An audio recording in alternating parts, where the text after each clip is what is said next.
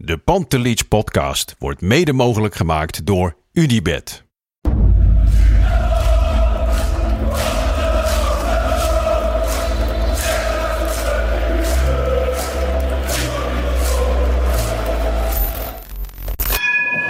For me, they can have just lot of goals, lot of fun, and some some other things.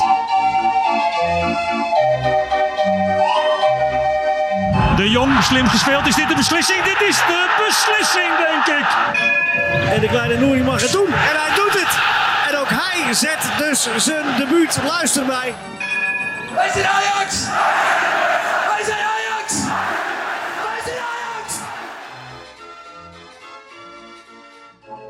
Welkom Ajaxide bij de negende aflevering van de Pantelits podcast. We hebben vandaag een bijzondere aflevering, want het is Interlandweekend geweest.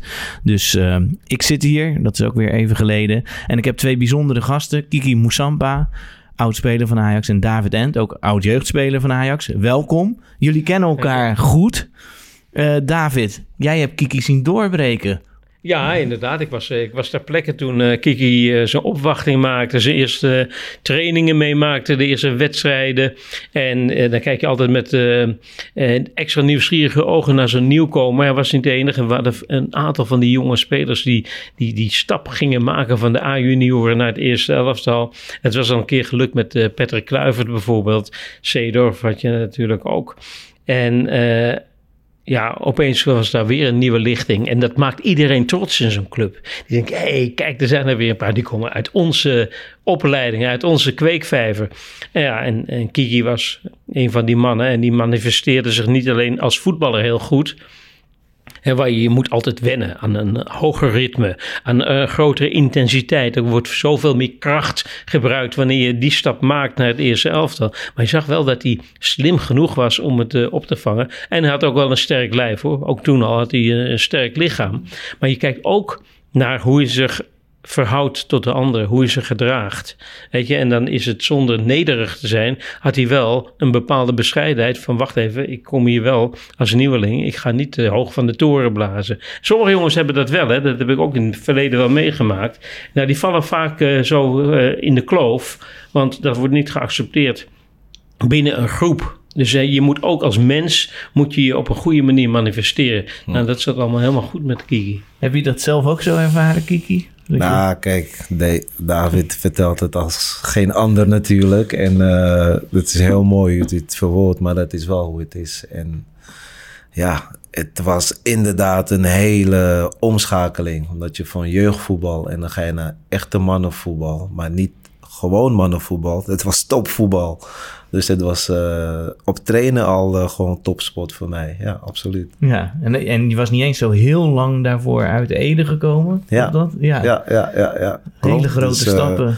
waren grote stappen in korte tijd. Maar ja, ik ging natuurlijk in de jeugd wel, was ik altijd in Amsterdam. En wanneer we heel vroeg moesten spelen, nou, dan moest ik ook in Amsterdam blijven slapen. En, dus het wende wel heel snel. Ja. En eh, waren er jongens die je hielpen in het team? Ja, absoluut. Eh Sjoe Emanuelson, daar ging ik eh, veel mee om. Dat is de broer van Urbi. Ja. Dus wanneer we wedstrijden hadden zaterdag vroeg, nou, dan kon ik bij hun blijven slapen. En dan kwam zijn vader ons ophalen. Dus ik kwam daar veel aan huis. Ze hebben me ook echt goed geholpen, goed opgevangen altijd. En goed voor me gezorgd. Dus daar ben ik wel dankbaar voor. Voor de familie Emanuelson, ja. Ja, en had, je, en had je toen al het idee, want je bent nu trainer, had je Ja. toen al het idee dat je trainer wilde worden? Nee, nee, nee. Ik moet zeggen, bij het eerste komen, dat was al de droom natuurlijk. Want eh, iedere keer dat je naar trainen ging, ja, kwam je toch langs dat trainingsveld van het eerste. Hè, aan de voorkant van de meer liep je langs het stadion en dan zag je die vier lichtmassen. En dan dacht je, ja, dat is toch waar het om ging. En, en dat is je droom om daar te spelen. En op het moment dat ik eh, daar kwam, daar speelde, ja. Ik heb ook eigenlijk daarna ook niet echt meer een voetbaldroom gehad. Want ja, het was uitgekomen voor mij. Ja. Ja. Laatst eh, had ik een gesprek met Kiki. Nog Ja. niet zo lang geleden. En toen vertelde hij ook een hele mooie kleine anekdote die toch wel indringend is. Hoe hun trainer, dat was toen Spits, eh, Spits Koon. Ja. Een man uit Luxemburg met voetbalervaring in, in, eh, in, in Duitsland, ook in Nederland. En, en echt een, een grote naam eigenlijk als, als trainer. En die was hun trainer. En die, die vertelde hè, over wat het doel was. Klopt. Ja, ja, ja. En het doel was om te spelen daar tussen die lichtmasten. Weet je, daar ging het om. Dat was, dat was je, niet een droom, dat was je doel om Ja. daar te komen. Precies. En, en hoe dit bracht was ook mooi. Hè? Na een training zei die jongens, kom maar voorbij.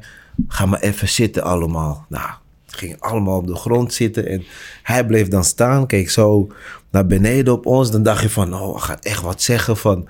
En toen kwam hij met dat van, hé jongens, het gaat maar om één ding. Wees die zo naar die lichtmassen daartussen spelen. Nou, dat blijft hangen. En iedere dag dat je komt trainen, loop je er langs. En dan gaat het leven. Dus die droom wordt steeds groter. Op het moment dat je dan daar ook gaat spelen, ja, dan eh, is alles perfect voor je. En je traint nu de jongens onder 18. Hou- Houd je ze dat ook voor? Eh, nou, ja. vorig jaar deed ik de onder 18 Oh. en nu ben ik eh, bij Jong. Ehm, Oh, jong, sorry. Ja. Ja, nou ja, kijk, ze, het zijn jongens die daar komen en die hebben allemaal een droom. Hè? Eh, de een is het eh, bij Volendam 1, de ander is het eh, bij Ajax of noem het maar op. Maar het is wel allemaal met hetzelfde doel om uiteindelijk profvoetballer te worden. En ik kan me prima inleven in hoe die gasten zich voelen. Hè? En aan de hand daarvan dan kan ik ook wel zien aan hun gedragingen en aan hoe ze doen. Van ja, hoe leeft die droom bij je? Hè? Want je kan een droom hebben die leeft, maar je kan ook een droom hebben die, ja, die niet echt leeft bij je. Van eh, nou ja, ik droom dat, maar ik doe er Beetje een verder weinig schijn. voor. Ja, Ja. een beetje een schijn. Ik zeg maar dat het zo is, maar ik moet wel zien hoe je ermee omgaat, of het leeft bij je. Ja. En eh, heb je dan ook het idee dat je nu al goed kan voorspellen of die jongens het dan halen? Omdat het bij sommigen de droom echt is? Of... Nou, kijk, het is altijd moeilijk om te voorspellen, maar je kan wel zien wie er mee bezig zijn, hè, hoe ze ermee omgaan. Want eh, uiteindelijk heb ik ook wel gezien en geleerd dat eh, talent niet altijd genoeg is om, om de droom waar te maken. Ik heb met jongens gespeeld, ja, die waren eh, vier keer beter dan ik en, en, en noem maar op. Maar die hebben het uiteindelijk niet gehaald. Dus dat geeft toch aan dat er wel meer nodig is dan alleen talent.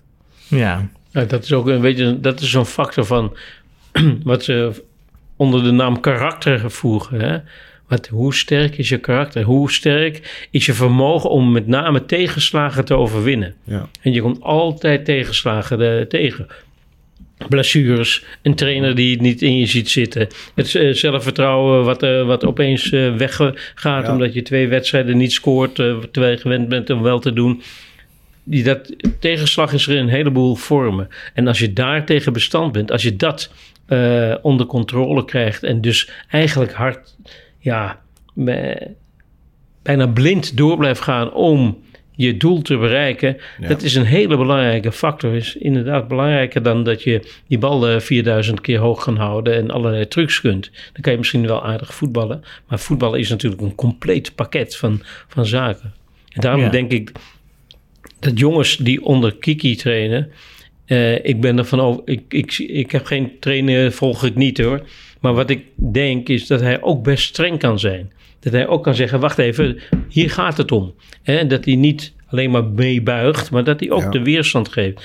En wat een rijkdom dat ook voor die spelers moet zijn, als ze het goed oppakken, om zo'n trainer te hebben. Met zo'n rijke ervaring, weet je. Een ervaring die over de hele wereld gaat. Ja. Niet alleen Nederland. Hij heeft grenzen letterlijk heeft hij verlegd en hij- hij- is Ja. hij overschreden. En dat, dat levert heel veel op waar hij nu zijn voordeel mee kan doen ten opzichte van de jongens. En zag je dat ook al toen, je, toen eh, Kiki bij Ajax kwam?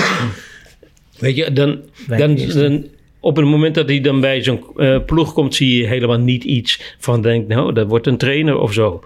Je kijkt ook helemaal niet met die intentie, met, met die bedoeling, kijk je ook niet naar iemand. Je kijkt op dat moment is opportun wat hij gaat brengen als speler. En dan zie je wel dat, er, hè, dat het karakter goed is, maar dat ik heb dat nooit in die tijd vertaald naar een, een mogelijk trainerschap. Nee. Er zijn enkele spelers waarvan je denkt, hmm, kan wel eens een trainer worden. En dan hoeft het niet eens zo te gebeuren. Weet je, Frank Rijkaard is een, een, een hele goede trainer geworden. echt, ik heb Frank ook meegemaakt als jongen van 18 en als jongen van 20 en, eh, tot een, ik heb gedacht, nou, die wordt nooit trainer. Die gaat het nooit leuk vinden. En er- er- ergens zit er dan toch zo'n kiem, zo'n zaadje, waardoor het uitkomt. En waarom da- dacht je dat hij dat nooit leuk zou vinden? Bij Frank? Ja, Ja, omdat hij altijd eh, bezig was met, eh, met het plezier te hebben. En dat, eh, het voetbal was voor hem genoeg om dan dieper te kijken. Maar hij heeft natuurlijk wel heel veel opgestoken. Ik denk als je stopt, dan raak je je bewust van wat je allemaal aan bagage hebt ge- geladen in je, in je rugzak. En dat het ook zonde is om daar niet iets mee te doen. Hè? En ja, ik weet van Frank, die heeft een groot empathisch vermogen. Dus die vindt het ook wel prettig om, om je- met je mensen om te gaan en ze proberen te triggeren. Wauw, ik had er echt, ik had er niets om durven te verwedden toen. Kiki, je hebt je, je eh, trainerscursus in eh, Spanje gedaan. Ja. Met, daarbij waren Xavi, Xavi Alonso, Raúl Valdes. Hoe, hoe Ja, was ja, dat? Ja, het, het- het was wel even... eh, even oké. Kijk, je kent elkaar natuurlijk omdat je tegen elkaar hebt gespeeld. Hè? Eh, ik heb jaren in Spanje gespeeld. We kennen elkaar van het veld. En ehm, het was trouwens het laatste gedeelte van eh UEFA Pro. Hè? De laatste trainerscursus. Maar ja, het is een cursus voor profvoetballers alleen. En eh, met een limiet tot 20. Nou, dan zit je in Spanje en ja, dan, dan krijg je natuurlijk te maken met de Spaanse profvoetballers. Ja. Dus eh, nou, dan kom je in zo'n klas terecht en eh, wat je net zegt, hè, Raúl en no- noem maar op.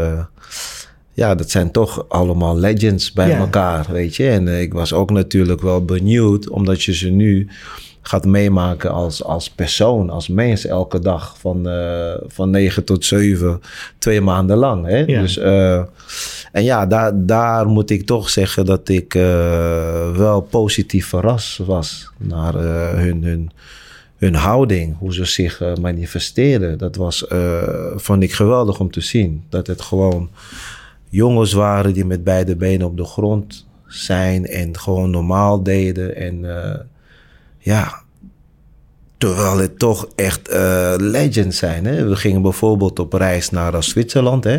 Nou, dat moet voor de cursus. Heb je twee dagen daar. En nou, dan moet je eh, gezamenlijk naar het vliegveld en zo. Nou, je ziet bij het vliegveld hoe wat dat teweeg brengt.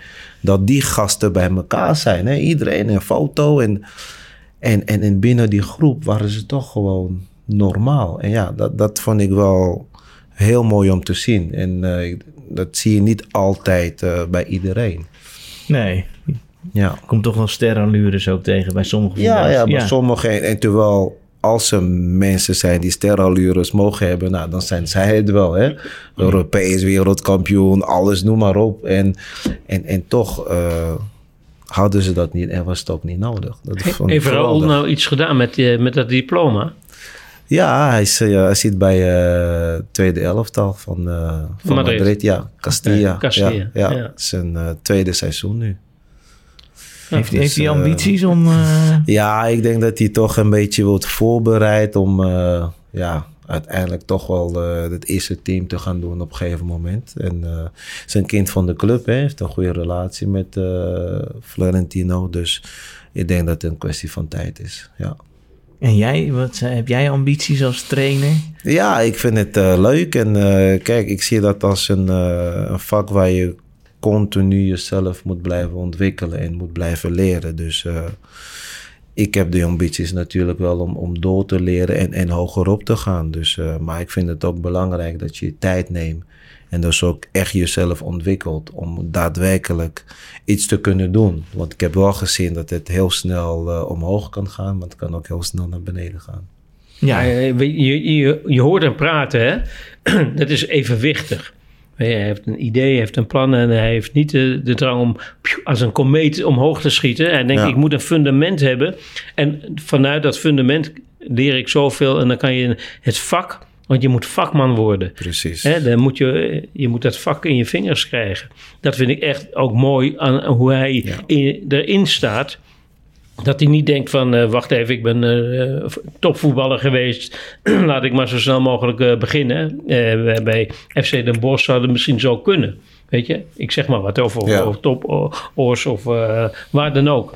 Er zijn clubs die dat best wel zouden durven. Maar hij weet dat het trainerschap veel meer is dan eh, meer dingen weten van de kleedkamer. Het is echt een vak. Je, je moet ook de, de moeilijkheden hebben meegemaakt. Op het niveau waarop hij getraind heeft en nu traint, moet je een heleboel dingen zelf doen. Hè, kan je niet rekenen op een hele grote staf die alles voor je regelt. Ja. En, maar dat is wel heel leerzaam, want je leert ook de mensen kennen, je situaties kennen. En dat maakt je veel rijker dan wanneer je, zeg ik maar, explosief ergens neergezet wordt. Ja. Dan heb je een grotere kans om te vallen. Ja, we hadden het net over, eh, dat schoot me er binnen over zelf voetballen. Voetbal je zelf nu nog? Ja, zeker. Ik speel nog bij eh, CTO. Oh ja, ik moet zeggen, eh, ik kom er steeds minder aan toe op de zaterdag. Maar eh, dinsdag en donderdag wordt er getraind. Kijk, het is voor mij eh, gewoon een beetje te sporten. En Ja. eh, lekker in beweging te blijven. Ik ben geen type die eh, in de sportschool gaat zitten. Dan ga ik toch liever voetballen. Ik vind het spelletje nog leuk. Dus eh Ja, in, in Ja. Duivendrecht is dat, hè? Duivendrecht. Ik heb Ja. hem laten zien spelen. Ja? Oefenpotje, zo onderlinge Ja, ja, partij. Ja, ja. klopt. En eh, bij Vlagen zie je dan wel weer de aparte klasse. Hoor. Hij joeg er, joeg er eentje in. Ja. Van een metertje of eh, 25 zo. De keeper was echt eh, Ja. aan het zoeken. En dan lag hij al in de, in de bovenhoek. ja, ja, Ja. ja. Vind je het moeilijk om fit te blijven, zeg maar, met voetballen? Want ja, Eh, nou, ik, ik- het, is, het is een lifestyle eigenlijk. Eh, op het moment dat het eh, echt je lifestyle is, dan is het niet moeilijk. Eh, je zorgt gewoon dat je goed eet, goed slaapt en die dagen in de week gaat sporten en alles bijhoudt. Dus dan ja, is het gewoon een gedeelte van jezelf. is niet meer zo moeilijk. nee, ja, het herstel duurt wel langer, denk ik, dan toen je 17 was. Het herstelde wel wat langer, maar ik moet zeggen, het gevoel is nog steeds fijn na zo'n wedstrijd. Dat je moe bent, even gebroken en moet herstellen. Dus dat is eigenlijk een beetje de kick ervan. Van hé, hey, ik heb lekker gesport, ik ben moe en oh. Ja, nee, dat snap ik zeker. Ik Ja. wil heel even terug naar eh, toen je bij Ajax kwam. Je bent gescout door een eh, oefenduel wat je tegen Ajax speelde, hè, heb ik Ja. begrepen. Hoe, hoe ging dat? Nou, eh, goed en niet goed, want het werd volgens mij 12-1. dat was wel te verwachten natuurlijk. Kijk, ik speelde, Je bij- speelde tegen een Ajax-team. Ja, ja, ik speelde bij Blauw-Geel. En als je tegen Ajax speelt, is het natuurlijk hè, de wedstrijd. En het brengt eh, een hoop roering. Maar ehm, ja, aan de ene kant pakte het wel goed uit. Want daar vul ik dus op. Eh, ik was daarvoor echt een, een, een straatvoetballer. Ik speelde alleen op straat. Waardoor dat dus zorgt dat je ja, ergens heel balverliefd bent natuurlijk. Want daar gaat het een beetje om op straat. En ik denk dat dat ook de reden is dat ik ben opgevallen. eh, dat ik een bepaalde zekerheid aan de bal had en, en makkelijk kon passeren. En dat was het eh, goede gedeelte van de wedstrijd. En, en, toen, en toen kwam je bij Ajax met Koffie Mensa, Menno Willems, klopt dat? En Noordin Ja. Woten natuurlijk. Ja, En, eh, maar, maar jij ging sneller. Je, je kwam eigenlijk eerder bij het, bij het eerste. Ja, ik, ik, ik, eh, ik kwam daar en nou, dat was al natuurlijk een geweldig ding om bij Ajax te kunnen spelen. Vooral in die tijd en op die leeftijd. Het is een beetje een droom van ieder kind. En dat vond ik al geweldig. Dus in dat eerste jaar dacht ik van, nou ja, ik, eh, ik kijk wel hoe het gaat. Ik vind het al geweldig dat ik hier ben. En, eh, maar ja, het ging dusdanig goed dat ik het jaar daarop een elftal mocht overslaan. En, en toen, ging bij mij echt even een eh, lampje branden van, hé, wacht even. Dus er zit wel wat in. Het feit dat ik een team mag overslaan, denk van, nou, dat is niet niks natuurlijk. En vanaf dat moment ben ik echt eh, erin gaan geloven van, hé, hey, het kan wel. Want ze kunnen me nu niet wegsturen. Ze kunnen me nog terugzetten als ik niet goed ben.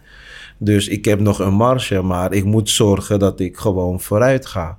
En welk En- team sloeg je over? Eh, ik sloeg de B1 over. Ik ging van, eh, op een gegeven moment ging ik van de B2 naar de A2. Oh, Wauw. Dus ehm, ja, en toen deed ik ook af en toe met de A1 mee. En dat, dus ja, dat was voor mij een teken van... eh, ik kan hier wel het, het, het eerste halen, want men gelooft in mij. En anders sla je niet zomaar een elftal over, ja.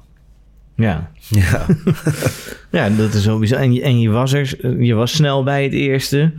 En, en toen je debuut, kan je, kan je dat nog wel goed herinneren? Februari 95? Ja, dat was eh Feyenoord, hè? Ja, Feyenoord thuis, Olympisch Stadion. Ja, de klassieker eh, beladen duel natuurlijk.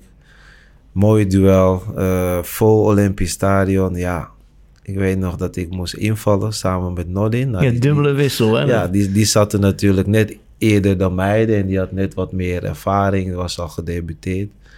En eh, volgens mij stonden we voor, hè?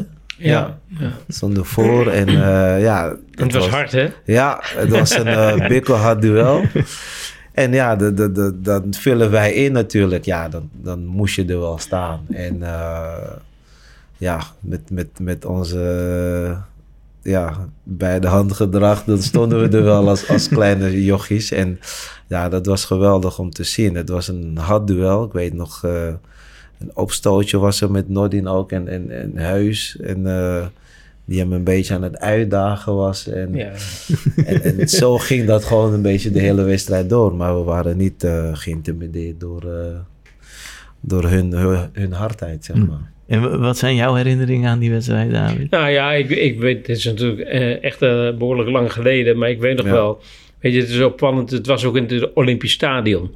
En dus hij is in het Olympisch Stadion, eh, heeft zijn debuut gemaakt. En die wedstrijd tegen Feyenoord, die hadden altijd nog steeds een speciale lading. En Feyenoord had een grote weerstand, omdat Ajax natuurlijk een beetje naar de top, hè, op de top van zijn kunnen was, Europese top. Dus er zat heel veel venijn in. En eh, ja, ik weet ook nog wel, want ik, ik ken die Ruud Heus, die ken ik bijvoorbeeld ook al van, van ver daarvoor. Maar dat was echt een kereltje die dacht van ja, wat een snotneus hier. Ik zal Ja. hem eventjes laten zien. Ja. Ik schop hem zo de, de zeilen over. Ja. Maar ja, eh, Noordin was op zijn manier met zijn jeugdige bravoer gewapend daartegen. Liet zich niet intimideren en dat maakte nog meer los hè, bij die tegenstander. Nou ja, het, was, het was mooi, weet je. Je, je leeft mee met, ook met die jongens die debuteren. Dan denk je, oh, wat een prachtig moment moet dat zijn. En je debuteert niet in eh, eh, VVV Ajax voor de beker. Nee, een topper. Ja, de absolute, de klassieker van Nederland. En denk je, hoe mooi moet het staan op je palmarès. Ja, ja. Nee, het, het is geweldig om mee te maken. Want je ziet die wedstrijden altijd op tv. En dan denk je van, god, dat wil je ook een keer meemaken. En als je dan daar mag debuteren en je wint. En ja, je laat ook zien hè, dat je niet geïntimideerd bent. Wat natuurlijk belangrijk is. Ja, dan, dan vindt het publiek het ook geweldig. Ja, Het is ook wel heel erg iets van, van vergaal bijvoorbeeld. Hè? Om zo'n moment uit te kiezen. ja, En dan denk ik, Ja. ja nee, dit, dit is even echt de test. En natuurlijk calculeert hij een beetje marge in. Dat hij, nou ja, we staan voor, het kan. Maar ja, het is niet zomaar dat hij dat op dat moment doet. ja. Dat, ook dat is voor hem dat hij wil zien dat wat hij, heeft, wat hij zelf heeft gezien in die spelers, dat het waar gemaakt kan worden. Ja. Op het hoogste niveau, met de hoogste weerstand. Ja, Ja, daar, daar is hij wel eh, heel goed in. Echt meester in. Dat incalculeren. En dat heb je later ook gezien met meerdere spelers dat hij dat gedaan heeft. En eh, ja, dat is wel een kunst. Er zijn veel trainers die zeggen, nou, weet je, we nemen het Ja. risico niet. Ja. En wie weet eh, loopt het verkeerd af. En door dat wel te doen, geeft hij die mannen ook een enorme injectie van vertrouwen. Precies. Ja. En, en toen, toen zat je erbij en zag je dat, ja, dat toch wel, zeker als we er nu naar kijken, dat wonder van uiteindelijk die Champions League winnen. Ja. Hoe, hoe heb je dat meegemaakt? Eh, Ja, kijk, bij die groep zitten was natuurlijk al eh, niet makkelijk. Er zat zoveel talent, zoveel goede spelers in. En het feit dat ik al bij, eh, bij de selectie hoorde, ja, dat was voor mij op die leeftijd en dat moment al een overwinning. Hè? Van eh, elke dag waren het voor mij finales op trainen. De spanning zat hoog. De trainer die natuurlijk veel eist en, en de spelers natuurlijk ook van je. De intensiteit die hoger is. Dus eh, in die tijd moest ik gewoon wel aan de bak. Want ik kwam uit de jeugd en het is niet van eh, dat je even erbij komt wandelen. Dus erbij zijn was voor mij, eh, dat was voor mij al de overwinning, ja. en, en hoe heb je dat uiteindelijk, de finale zeg maar, de overwinning? Nou ja, de, de, de finale eh, van Wenen was ik niet mee, want ik zat net bij de groep, maar ik had mijn contract nog niet getekend. Nou, zo is de trainer dan ook weer hè, in, in zijn, eh, discipline. Dus, eh, maar desondanks voelde ik gewoon wel dat ik onderdeel was. En dat was ik ook, want hè, ik was gewoon bij de selectie, trainde dagelijks mee. Dus ehm, wat dat betreft, ja, was het een beetje eh, dubbel. Want ik zat wel in Amsterdam en we hoorden er wel bij. En, maar neem niet weg dat het eh, geweldig is dat we het eh, gehaald hebben natuurlijk. En dat je dat kan meemaken. Was je teleurgesteld dat je niet mee mocht naar Wenen? Uh, in, in het begin wel. Maar ik begreep het ook wel vanuit de principes en, en, en, en, de discipline van de trainer. Maar dat ging al heel snel weg. Want op het moment dat we, dat we wonnen, ja, dan was je natuurlijk in die euforie. Ja. Ja, kan je, en ging, ging je dan, kwam je wel bij de groep toen? Wanneer ze, wanneer ze terugkwamen, dan ja, was ik gewoon weer bij de groep, ja. Kan jij je dat nog goed herinneren? Ja, weet je, die, die, die periode was natuurlijk een uh, absolute top. Waarvan je eigenlijk niet eens realiseert op het moment dat je ermee bezig bent. Hoe goed dat team was. Hè? Ja. Hoe goed ja. alles klikt. Uh, dat je met je, met je vinger de, de hemel bijna aanraakt uh, op voetbalgebied. Uh, omdat je gaat door. Je, weet je, je hebt geen tijd om te lang stil te staan bij het moment van gisteren. Je moet door naar de volgende, de volgende, de volgende. Pas wanneer je een beetje achteraf terug kan kijken, dan realiseer je wat een uh, fantastisch team dat was. En hoe mooi het team ook was door de inbreng, de participatie van jonge spelers. En wat je bij de meeste Europese topclubs zelden ziet, zag je dus bij Ajax wel. Dat, dat strekt je veel meer tot eer ook. Dan je, ja, weet je, dit is onze identiteit. Dit is Ajax zoals Ajax wil zijn. En we hebben op de achterhand een paar jongens die kunnen doorgaan. En een jaar later weer finale tegen, tegen Juventus. Nou, daar zat hij er wel bij. Ja. Zo snel kan het gaan. Ja, hoe heb je daarna gekeken, Juventus? Want er is natuurlijk later heel veel in het nieuws gekomen over eventuele doping. Of het staat eigenlijk wel vast dat die Ja, doping. ja, ja. Hoe kijk je daar nu, nu op terug? Nou ja, ik vind het nog steeds jammer dat het niet teruggedraaid is. Want ja, op, het veld, eh, kijk, het is natuurlijk jammer dat je een finale verliest. En, eh, maar ja, het feit dat we toch weer in de finale stonden, nou, dat was al natuurlijk heel knap. Omdat je, ja, je moet, je moet het maar even doen. Hè? Wat, wat David ook zegt, eh, het was een team waarbij je gewoon weer jongens doorschoven. Hè? Er waren geen eh, sterren die het team vooruit trokken of zo, à la Messi of Ronaldo, om het even zo te zeggen. Het was echt het geheel wat klopte en iedereen die wist wat hij moest doen.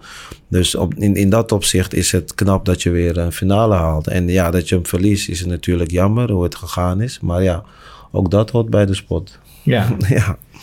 ja en, Ja, weet je wat ook heel anders was? Tegenwoordig, als je kijkt naar de, de bank, hè, dan zitten er 10, 11 spelers zitten op een bank. Bij een wedstrijd. Er kunnen vijf gewisseld worden. Dat Ja. heeft een andere reden. Maar toch, de, die getallen zijn veel groter. De Ja. finales van 95, 96 zat je met 16 spelers. Ja. En had je er één of twee, die werden dan, eh, hè, en dat was heel verdrietig, naar Ja. de tribune verwezen. Ja. Maar het was niet zo dat er een hele reeks aanwezig was. Nee, nee. Nee. Dat zou nu anders zijn. En die rest was gewoon ook op de tribune. Je had eh, acht, acht, negen man op de tribune. En Ja. eh, het was al hard om, eh, en moeilijk om op de bank te zitten. Ja. en dan, en dan ze- 97, toen speelde je nog weer meer, denk ik? Of, ja, Ja, toen was ik. eh, Ja, toen, haal- toen haalden we de halve finale. Gingen we weer eruit tegen Juventus weer. Ja. ja. En, en, hoe, en toen, daarna ben je weggegaan bij Ajax. ja. Hoe is dat gegaan? Wat, eh, Nou, eh, dat was het moment dat eh, de trainer wegging van Gaal. En nou, dat was toch de trainer die mij het vertrouwen gaf, die in mij geloofde en onder wie ik debuteerde. Nou, dan kwam een nieuwe trainer, Morten Olsen. En eh, ik keek het nog even aan, hè, van eh, welke kant gaat het op. Nou, die kwam met elf nieuwe spelers eh, toen. Heel veel jongens gingen weg. Ja, dan moet je een beetje gaan kijken van hè, hoe liggen mijn kansen? Krijg ik mijn kansen wel of niet? En ja, dan zag ik in de voorbereiding dat het gewoon heel moeilijk zal zijn. En dan, ja, dan moet je kiezen of te blijven en meer in het tweede te spelen. Of in die tijd werden spelers vaak verhuurd aan Haarlem, hè? dat was Ja. er nog. Of je wordt dan daarheen verhuurd, je speelt in de tweede. Ja, of je kiest voor een ander avontuur om je verder te ontwikkelen. En eh, ja, ik koos voor dat laatste, want eh, ik had gespeeld en ik vond dat een stapje terug doen naar het tweede of Haarlem, dat het mijn ontwikkeling niet ten goede zou komen. Dat kan, dat kan toch ook niet als je Heeft Champions League finales, de halve finales Ja, hebt gespeeld, ja. dat je dan naar Haarlem gaat om de dat, dat, tweede. dat is wel hoe het er naar uitzag. En ik weet bijvoorbeeld van andere jongens die dan wel bleven. En, en die zijn uiteindelijk wel die kant op gegaan. Eh, zoals Arno Splinter bijvoorbeeld. En, eh, Rodi. ja, Rodi Turpijn. En, dus ja, het, het is een kwestie van eh keuze maken. Wat je Was er iemand die jou een beetje de weg wees daarin? Want je, zoals het nu klinkt, is het echt, weet je, dat je zelf die... Misschien is het zo, hè? Je, Ja. je keuzes maakt, je, je, je in consideratie neemt. Wat zijn de mogelijkheden? Of was had je een klankbord? Had je iemand... Nou, ik had niet echt een klankbord. Kijk, binnen de, de groep wordt er natuurlijk ook gesproken. Hè? Op een gegeven moment eh, ja, komt een nieuwe trainer. Nou, dan weet je ook niet wat het is. En dan andere jongens die dan wat meer ervan weten. Nou, er is een trainer die zus en zo. En dan komen er zoveel nieuwe spelers. En ja, dan gaat het toch een beetje in je hoofd spelen. Hè? En dan... eh, dan zijn ze er en dan zie je ook hoe het gaat natuurlijk. Hè? Van, heeft zo'n trainer wel aandacht voor je? Eh, zet hij op je positie? Nou, op trainen in de partijvormen nou, stond ik zo'n beetje overal.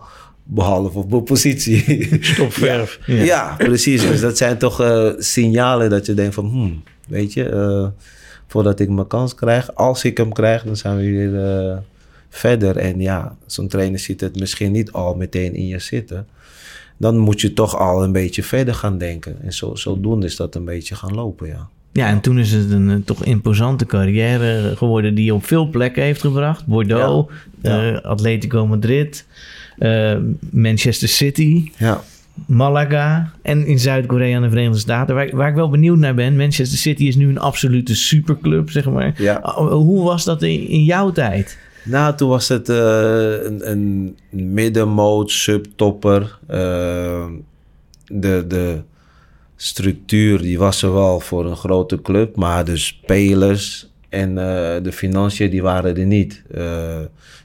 Trainingsvelden, stadion, organisatie was allemaal perfect. En, maar ja, het kon niet aan die subtop aanhaken. Ik weet nog dat we een seizoen speelden om ons te plaatsen voor Europees voetbal. Nou, dat was een beetje het, hè, het maximale, een beetje de top wat Manchester City in die tijd kon doen. En eh, ja, later is dat eh, drastisch veranderd.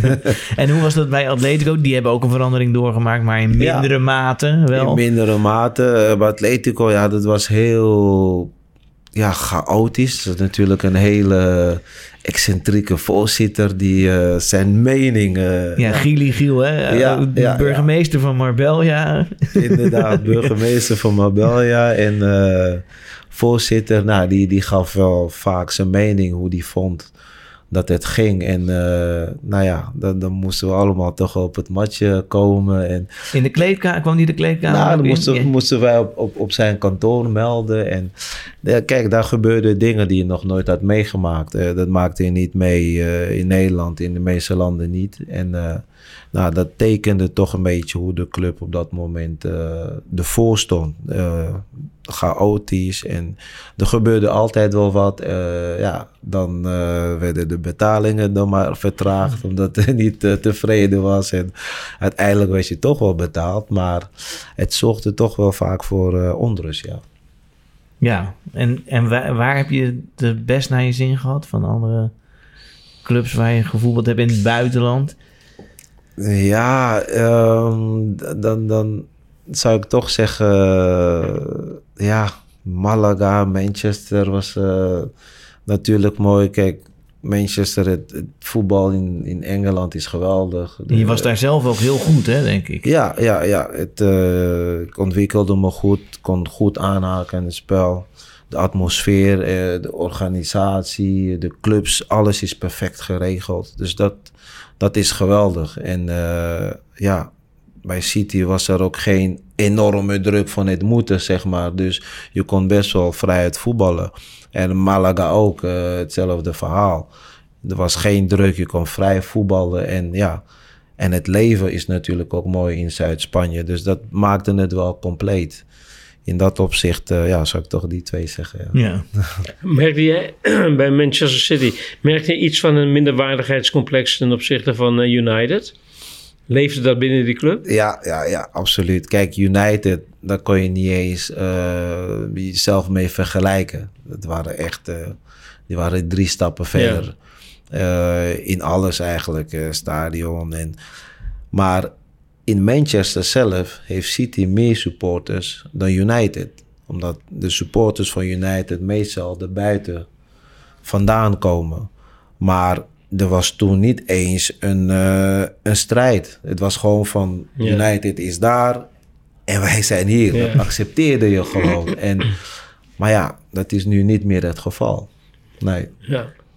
Even terug naar het heden nu. We hebben het Nederlands zelf al gezien eh, deze week. ja. Met Berghuis, Klaassen, Blind, Gravenberg en Rens maakte zijn debuut. Hè? We, kijken we zijn een Ajax-podcast, dus we kijken naar de ajax in Oranje. Heb jij specifiek genoten van een van hen waarvan je die heel goed vond? Eh, specifiek, nou, ik, ik, vond- het hele Nederlands elftal gewoon, ze allemaal goed. Eh, alles klopte en ja, Klaas, eh, als ik toch eentje moet kiezen, dan zou ik zeggen Davy Klaassen, die, die natuurlijk in die beginfase heel belangrijk is geweest. En, en ik moet zeggen, hele mooie goal en assist geeft. Dat is geweldig, ja. Ja, met Klaas is het ook is het meer dan één wedstrijd, vind ik. Weet je, die komt uit eh, zeg maar de dynamiek van het Europee, van het EK, waarin hij niet heeft gespeeld. Terwijl je voelt, Ja. deze speler is dermate teamspeler die anderen beter kan laten, eh, kan laten functioneren. Zijn eigen kwaliteiten heeft, scorend vermogen, altijd op de juiste plek. Dat je nu nog meer denkt, hoe is het dat hij toen niet speelde? Hè, en de, eh, alle drie de wedstrijden, ook tegen Noorwegen, zag je nog zo'n ongelofelijke, bijna Engelse drive. Die heeft hij misschien bij Everton opgepikt. Van elke wedstrijd laten zien dat je er bent. Geen min- minuut versagen. Elke seconde benutten die je hebt. Dat zie je dan zo in zijn spel terug. ja. Dat is hartverwarmend, maar het helpt ook je andere spelers ook mee te gaan in zo'n zo'n sfeer. En dat vind ik echt, eh, echt fantastisch. Weet je, dus, een gouden jongen voor je team. Ja. Nou, over een gouden jongen voor het team gesproken, dan moeten we het natuurlijk ook over Tadic hebben. Net als jij vanaf de linkerkant komend. ja. Hij is eh, uitgeroepen tot speler van het jaar. Hoe, hoe kijk jij naar hem? Hoe goed is hij? Ja, hij is, hij is heel goed. Vooral voor die team. Eh, in alles zie je dat het eh, een leider is. Hè? Hoe die bezig is met de rest. En dat geeft aan, hij, hij kijkt niet alleen naar zichzelf. Want er zijn ook momenten waarin hij niet goed in de wedstrijd zit. Maar desondanks eh, blijft hij de rest toch stimuleren om het wel goed te doen. En, en dat zijn eh, toch karakters van, van goede leiders. Ik denk dat hij ook verdient eh beste speler is gekozen, ja, absoluut. En, en de selectie in zijn algemeenheid, is het dit jaar goed genoeg om weer kampioen te worden, denk jij? Ik denk het wel. Het, het is bij elkaar gebleven. Hè? Eh, de trainer is er nog. Dus ja, je weet dat er toch wel weer een ontwikkeling plaatsvindt. Dus zo'n team, ja, dat groeit en dat gaat toch naar, eh, naar een ander niveau. En ik denk dat je dat ook wel eh terugziet, bijvoorbeeld in een wedstrijd tegen Vitesse. Hè? Hoe ze zo hier de meester zijn. En die jongens die gaan toch elkaar wat makkelijker vinden. En die afstemmingen worden steeds beter. Dus in dat opzicht, eh, ja, denk ik dat ze wel eh, goed genoeg zijn om kampioen te worden, absoluut. Wat denk jij, David? Had Ajax niet door, door moeten selecteren? Nou, dat doen ze eigenlijk wel. Weet je, ongemerkt, als je ziet hoeveel jonge spelers er wel staan, hè? of je het nou over Timber hebt, of over Rens, eh, Gravenberg natuurlijk, die nog volop in ontwikkeling is, die nog helemaal niet zo stabiel is als hij kan zijn over twee jaar. En, hè, dat, dat helpt eh, het team ook. Dat is ook verversing. Het komt wel van binnenuit, ze hebben al gespeeld. En er staan meer jongens te wachten, want je hebt ja, Kenneth Taylor, die, die, die komt eraan. Hè. Ze hebben nu die, eh, die nieuwe buitenspeler gekocht. Ik ben heel erg benieuwd eh, hoe het met, eh, eh, hoe heet die, Koende, eh, de, onze, onze middenvelder. Kudus. Kudus. Ja. Koundé, dus een eh, andere, Ja, ander ja. land. Hoe het met Kudus gaat, Ja. weet je. Dat is ook een hele jonge speler nog, waar je heel veel van kan verwachten. En als hij erin zou komen, zou het ook een verversing zijn. Want hij is er nog niet zo lang. Hij heeft nog niet zoveel uh, kunnen laten zien. En dat, en dat is wel nodig bij een team, dat je constant vers bloed nodig hebt. Weet je, je kan niet op je lauweren rusten. Want de, de tegenstander die slaapt ook niet. Hè? Als je kijkt naar PSV, maakt stappen. Feyenoord heeft stappen gemaakt. Dus je moet steeds strijdbaar blijven. En dat blijf je ook niet alleen door voetbaltechnisch goed te zijn... maar ook door je mentaliteit. De honger die Tadic elke wedstrijd toont... en die hij ook overbrengt op de anderen... is zo belangrijk. Want zodra je denkt van... Het gaat wel dan gaat het niet. Dan krijg je het echt keihard om je oren. Maar denk je dat die honger genoeg is? Hè, dit jaar ook nog? Ja? Omdat het vorig jaar in de eredivisie... Ja, ja weet je, dat, dat is een misleidende factor. Ja. Dus daar zit ook een uitdaging in. Om dat te verslaan. Weet je, dat je... Want zeker als je bezig bent met het seizoen... is elke wedstrijd belangrijk. denk je, oh, wacht even, we mogen geen punten laten verliezen. Kijk je terug, denk je, oh, zo'n grote afstand. Het is makkelijk gegaan. Op het moment zelf is het nooit zo makkelijk hoor is het nooit zo van, uh, dat doen we met twee vingers in de neus. Maar de buitenwereld heeft ook invloed. Weet je, hoe de media ermee omgaat. En zegt Ajax ontastbaar en natuurlijk eh, kampioen. Dat maakt het eigenlijk alleen maar moeilijker. Want dan moet je dus een intrinsieke uh, motivatie opwekken. Hè, van ik moet elke wedstrijd toch laten zien. En je ziet dat Ajax met 4-0 verliest van PSV allemaal redenen aangebracht van ja, hoe en waarom. Toch doet dat pijn. Toch moet dat echt een soort alarmbel zijn van wacht even, we zijn er niet. Je bent er niet zomaar omdat je Ajax heet en omdat je vorig jaar iets hebt gepresteerd. Nee, dat moet je nu doen. En daar heb je dus karakters nodig binnen je selectie, naast de trainer, die dat ook kunnen overbrengen. Die elke keer zeggen, hey, denk nou niet dat je er bent. Denk nou niet dat je het al kan. We hebben deze wedstrijd nog niet gewonnen. Ja, nak uit. Nou ja, NAC speelt in het uh, divisie lager. Willem 2 uit. Is niet makkelijk. Niks is makkelijk. Helemaal omdat je Ajax bent. En adel verplicht. Als je Ajax bent, moet je elke wedstrijd presteren. En moet je dus ook mentaal qua karakter op het goede niveau zijn om iets te bereiken. En dat is veel moeilijker dan je denkt. Want dat, dat is iets ook een proces. Elke dag moet je daar eigenlijk mee bezig zijn. Je moet bijna vervelend worden, ook voor de spelers om je heen. Dat je weer aan het zeuren bent van, hé, hey, denk nou niet uh, dat het makkelijk is. En, nee, precies. En kan, en, kan Ten Hag dat? Ja, Ten Hag die kan dat zeker. Maar ook over uh, wat David terecht zegt. Die karakters, die hebben ze behouden. En dan denk ik aan een, aan een Daily. Dan denk ik aan een Davy en, en, en een Tadic. Dat zijn jongens met karakter die willen winnen. Wanneer het niet goed zijn, dan zijn het ook de eerste die komen voor die kamer en zeggen: nee, vandaag was het niet goed, het leek nergens op. Dus dat toont aan dat ze wel bewust zijn van hey, waar het naartoe moet. Is het niet goed? Oké, het is niet goed, volgende keer beter. En dat zijn de karakters die je nodig hebt. Het is niet altijd dat dit van de trainer moet komen, want ja, op het veld kan de trainer ze vaak niet bereiken. En dan is het belangrijk dat je die types karakters op het veld hebt. Die wel opstaan, die de ander wel achterna zitten. Om toch over te brengen wat de trainer zou willen. Want, want hoe volg jij Ajax eigenlijk? Eh, kijk je het op tv in het stadion of uh, ik zie, kijk, zie, je alles? Uh, ja, ik, ik, zie niet alles. Ik kijk op, op tv. Uh, stadion ga ik, ben ik dit jaar nog niet geweest. Want het hoor allemaal, je moet testen, QR-code, ID, anders kom je niet in. Dus ik vind het allemaal een beetje uh, veel. Ik moet even kijken hoe dat allemaal precies gaat. Maar uh, ik volg het wel, ja. Ja, en, en als je dan kijkt naar, want we hebben het net over Nederland gehad. Hoe, hoe verwacht jij dat de kansen zijn uh, in de pool in de Champions League? Dus met Besiktas, Sporting en Dortmund? Ja, de kansen zijn er zeker. Uh, Dortmund, sterk team natuurlijk. Uh, Heb jij tegen gescoord? Ja, ja dat klopt. Uh, we hebben ze uitgeschakeld toen. En, maar sterk team moeten we niet on onderschatten natuurlijk. Maar uh, Besiktas en Sporting, dan denk ik dat Ajax die wel kan hebben, ja. Dus een... Ja, het, gro het grootste gevaar ligt bij Ajax zelf. Weet je, je moet ook daarin weer die, die mentale factoren. Ja. Je moet niet denken, dit, dit gaat wel.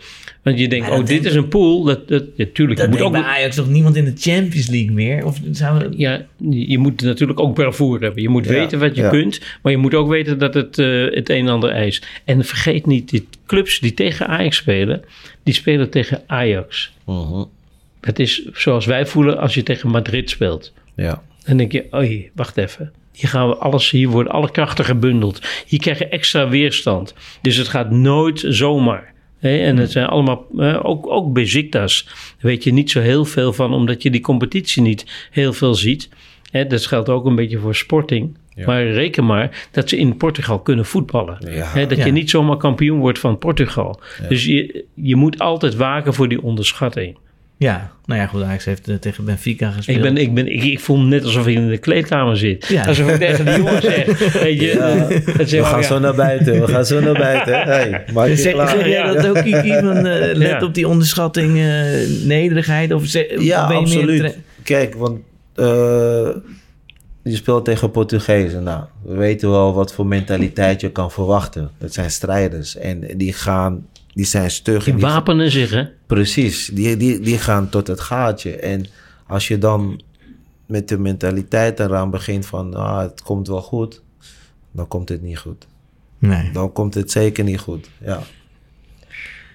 Nog heel even iets heel anders. Eh Kiki, je neefje Noordi Moussampa sp- speelt eh, bij in Jong Ajax. ja. Zie, zie, je, zie je dat vaak? Ga je vaak kijken? Of ben je dan zelf aan- ik, misschien aan ik, ik, ik volg het wel. Ik kijk wel altijd een beetje eh, wat ze gedaan hebben. Heeft hij meegedaan. Dus eh, ik heb hem vroeger ook eh, getraind zelf bij, eh, bij Almere. Oh, wat leuk. Ja. Ja, ja, ja. In de onder 15 was het volgens mij. En eh, vanaf Almere is hij naar Ajax gegaan, of onder 14. Dus ik ken hem wel eh, goed als speler. En ik kijk ook naar hoe hij speelt natuurlijk. Hè. Hoe die, of hij bepaalde dingen al verbeterd heeft. Want ik ken hem best wel als voetballer. En dat vind ik wel eh, ja, interessant om te zien hoe hij het doet, ja. Bel je hem dan ook op en geef je hem tips? Ja, ja, ja, zeker. Ik bel hem op en praten we over bepaalde situaties die ik gezien heb dan. Hè, van, eh hey, dat moment toen eh, de bal kwam en wat vind je van je positie? Wat had je beter kunnen doen? Gewoon puur om, om ook even te kijken of hij ermee bezig is. En eh, dan vraag ik hem wel, ja oké, en eh, wat zei de trainer? Dan ben ik toch wel even benieuwd, weet je. Ja, maar hij heeft, weet je, zo'n jongen, eh, Noorden, heeft ook een geweldig voorbeeld aan, aan, aan Range, aan, aan Timber. Daar heeft Ja. hij mee gespeeld, hè? Ja. Dat zijn jongens die zeggen, oké, dat is dus mogelijk. Dat moet een motivatie zijn voor hemzelf om, om extra te zijn. En hij kan er hier en daar natuurlijk in de ontwikkeling van hemzelf, kan hij wel dingen winnen. Maar hij heeft in de basis grote kwaliteiten.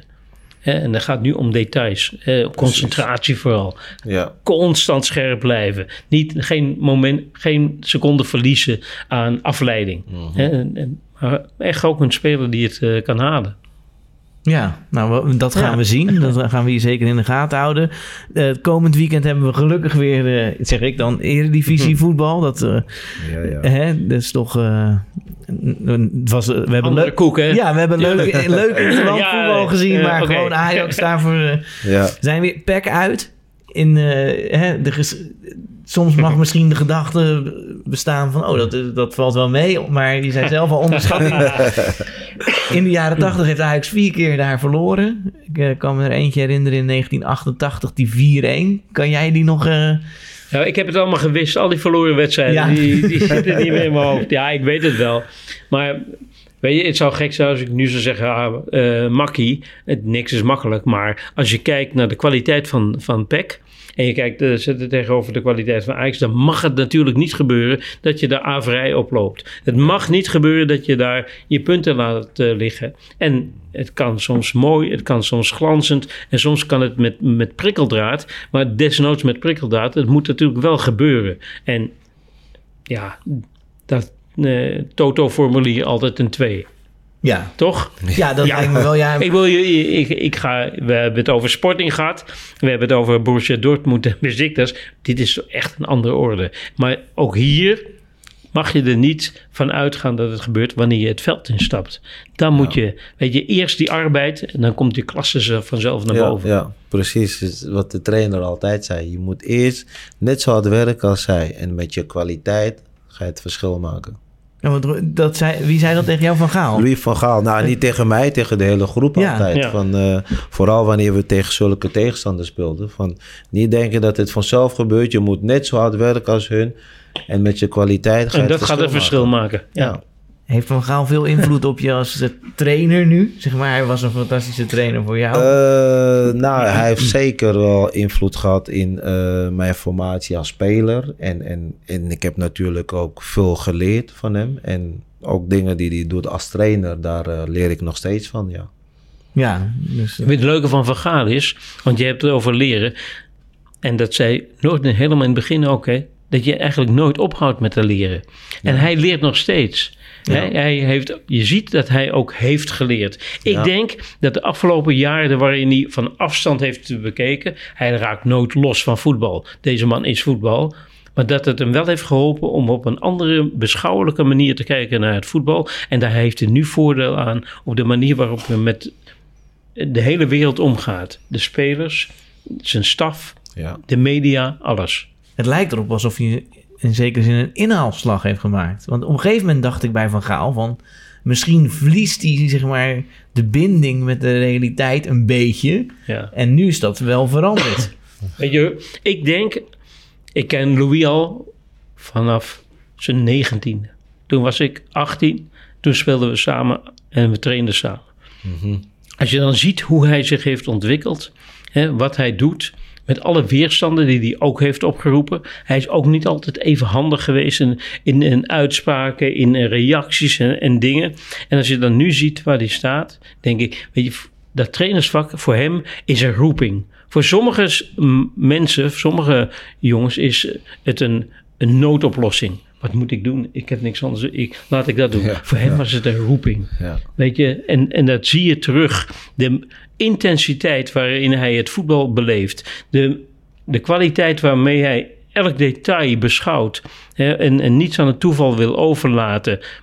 Hij is nu zoveel rijker geworden. En jij zegt, ja, misschien is hij het kwijtgeraakt. weer Ik denk terug, dus, hè? ik denk dus, ik denk dat die, die jaren dat hij op afstand heeft gekeken, hem nog beter hebben gemaakt. Nog meer inzicht hebben gegeven in hoe de wereld in elkaar zit.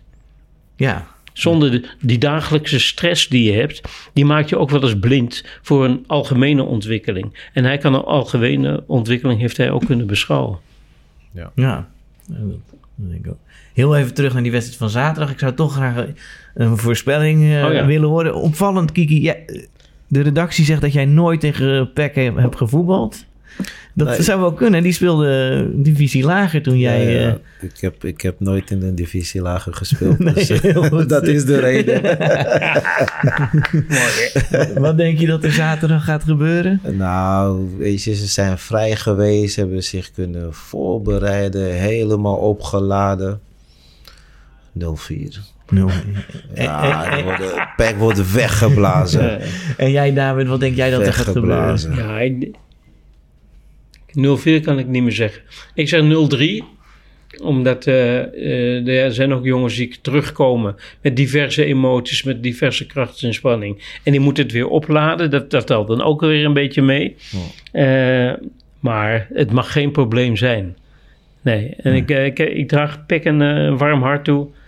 Eh, ik vind het echt, ja, echt waar. Ik vind het, een, een, een- het is een fijne club om, om langs te gaan. Ja. Ik ga nu veel naar wedstrijden toe, dus ik kom hier langs. Ja, Mensen allemaal heel correct en goed, op, het zit goed in elkaar. Dus ik gun ze geen, eh, geen verschrikkelijke nederlaag. Maar- nu- 3-0 wordt het wel. Ja, het staat er slecht voor. Voor, Ajax dan, hè? voor PEC staat het er slecht voor. Ja, ja. Dus dat is... eh, ja, die moeten zich echt zorgen maken. Ja, dus ik denk, nou ja, goed. eh, eh, ik weet niet of de luisteraars mijn voorspelling ook willen horen, maar ik denk Ja. dan dat Ja, het ja 0-5 maar ik wil het wel. wordt. 0-5, ja, maar, 0-5. ja, maakt het nog mooier. Ja, Hey. maar ik denk toch ook, eh, eh, wat jij net zei, David, die, die wedstrijd tegen PSV en ook die tegen Twente, die hebben ervoor gezorgd dat het toch een soort. eh, misschien, Dat mag je hopen. Hè? Ja, dat het Ja. echt wakker geschud Ajax. En, denk, en ook, ik bedoel, eerlijk is eerlijk.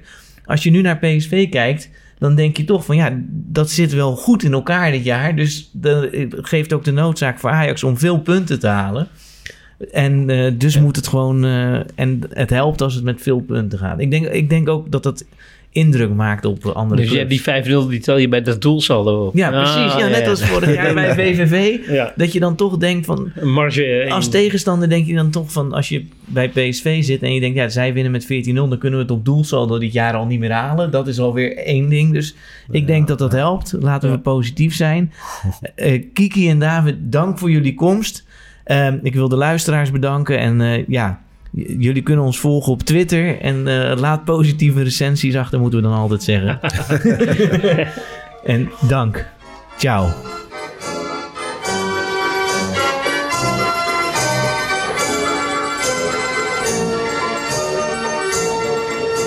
Let's go Ajax.